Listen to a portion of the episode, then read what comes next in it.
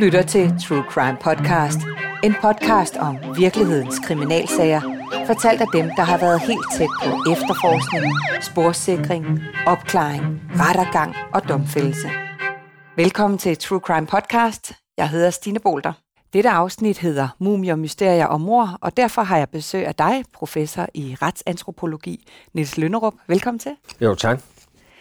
Du er jo leder af Retsmedicinsk Institut og har igennem mange år været med til at analysere gerningsmænd og finde spor på, på afdøde og blandt andet også på skeletter. Prøv at fortælle lidt om dit arbejde. Ja, altså lige nu er det jo faktisk helt overvejende administrativt, men tidligere har jeg jo selvfølgelig været inde i, skal vi sige, driften, altså de retsantropologiske undersøgelser. Og det var noget, der faktisk startede med, at jeg som ung læge begyndte at interessere mig for rigtig gamle skeletter og mumier og Moseli og lavede noget forskning i den forbindelse. Man kan sige, at i, i Danmark er det på sin vis heldigt, at vi meget sjældent har kriminalsager eller forhold, hvor man finder skeletter fra nyere tid. Men når det endelig sker, så er det jo vigtigt at have erfaringen med at kunne kigge på den slags. Altså alene det, at en, skal vi sige, en entreprenør ringer efter politiet, fordi man som led i udgravningen i det kan bare være et byggeri inde i hovedgaden, det kan også være en baghave hos en eller anden.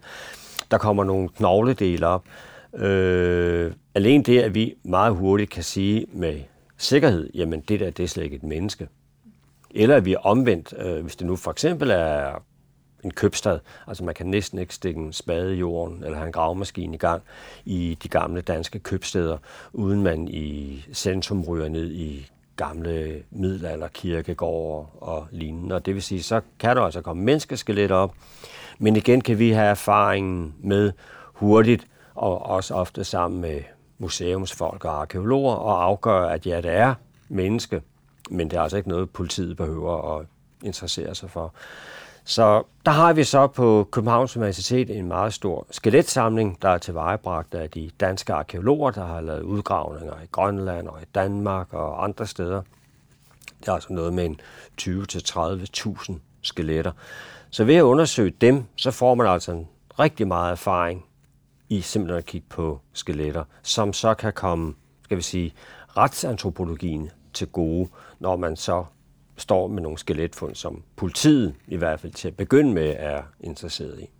Altså vil det så sige, at man kan se alderen, eller hvordan, øh, hvordan kan du tyde det? Ja, det er noget med at afgøre, om det er skelettet af en mand eller en kvinde. Det er noget med at afgøre, om der måske er tegn på sygdom, særlige kendetegn. Det kan være noget med at beregne, hvad lægemshøjden øh, var.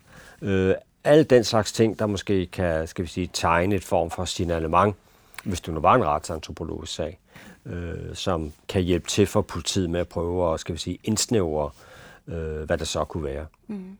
Hvad, hvad, du har haft øh, mange forskellige sager igennem årene. Hvad kan du ikke prøve at fortælle os om en af dem?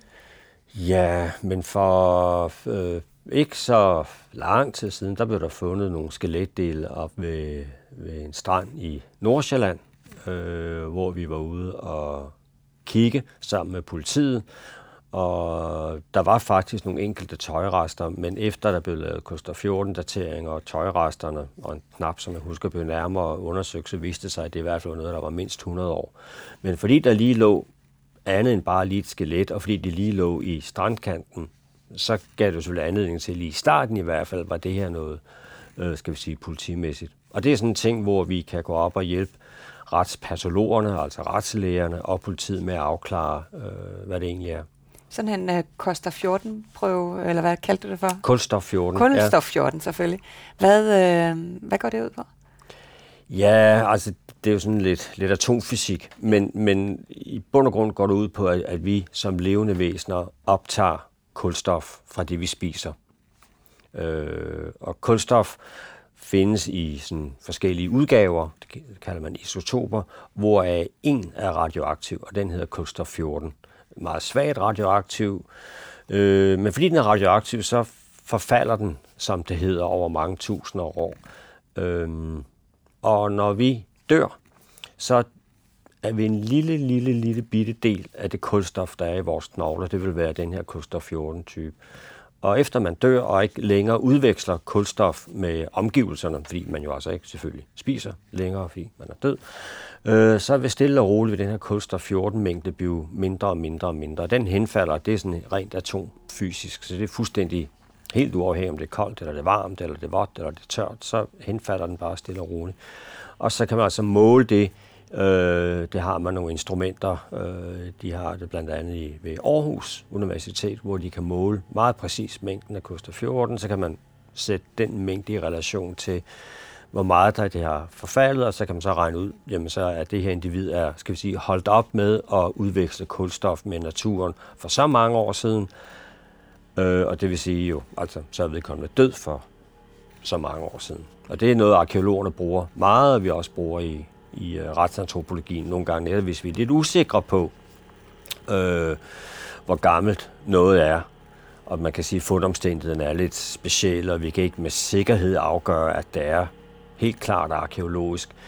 Jamen, så kan vi bruge den her Koster 14 til for eksempel netop at få bekræftet, at det virkelig er gammelt eller fra, fra middelalderen.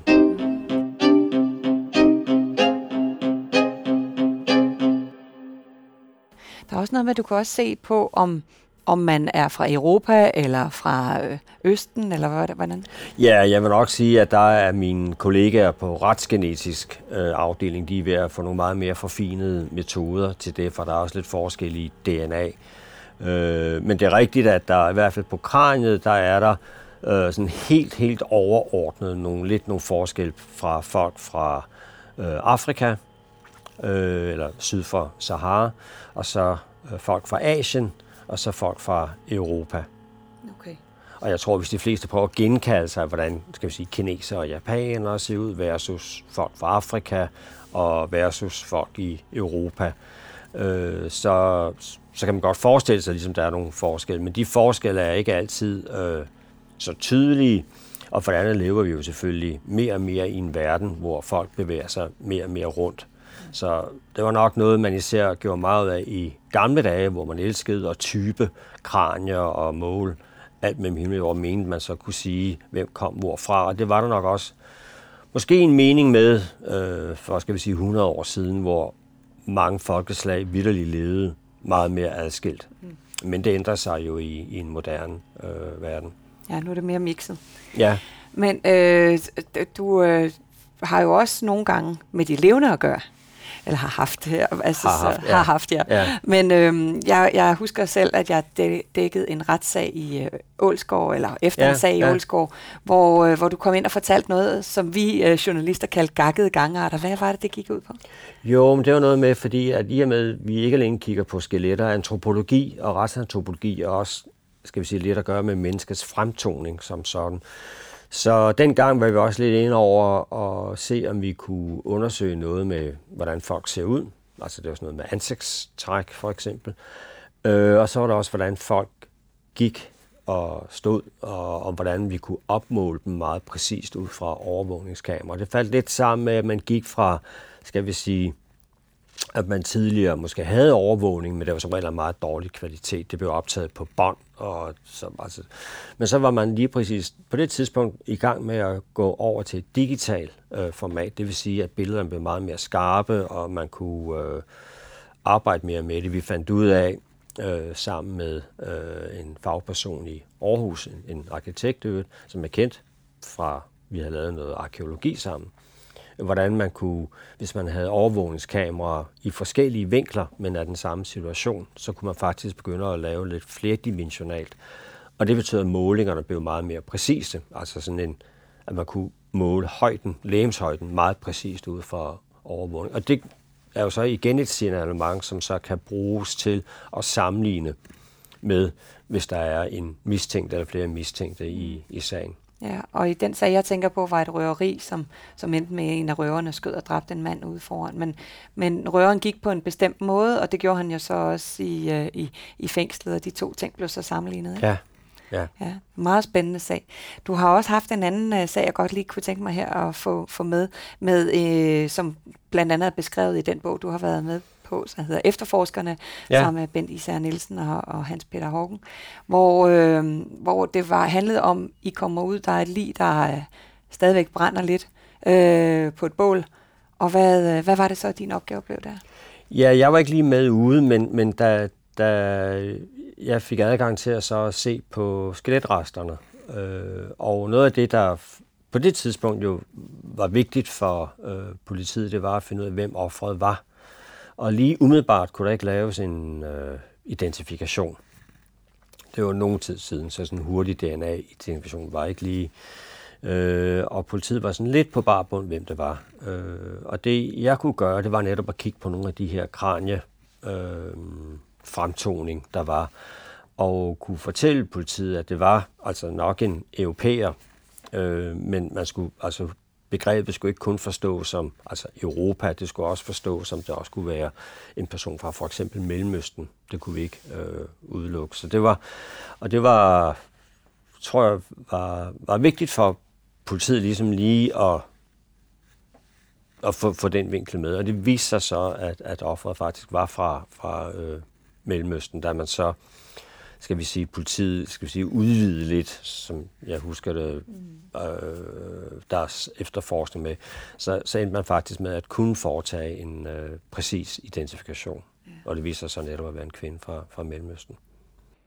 Rigtig spændende, Niels. Øh, du har i hvert fald været med til rigtig mange spændende ting, og vi når desværre ikke mere i dag. Men i stedet for, så kan man jo se dig på et af de mange foredrag, som True Crime Agency formidler med dig rundt omkring i landet. Tak fordi du kom og fortalte det her spændende. Ja, selv tak. Det var alt her fra denne podcast, Mumier, Mysterier og Mor. Du lyttede til True Crime Podcast, præsenteret af True Crime Agency. Jeg hedder Stine Bolter, og du kan læse meget mere om virkelighedens kriminalhistorie på truecrime.dk, hvor du også finder flere udgaver af True Crime Podcast.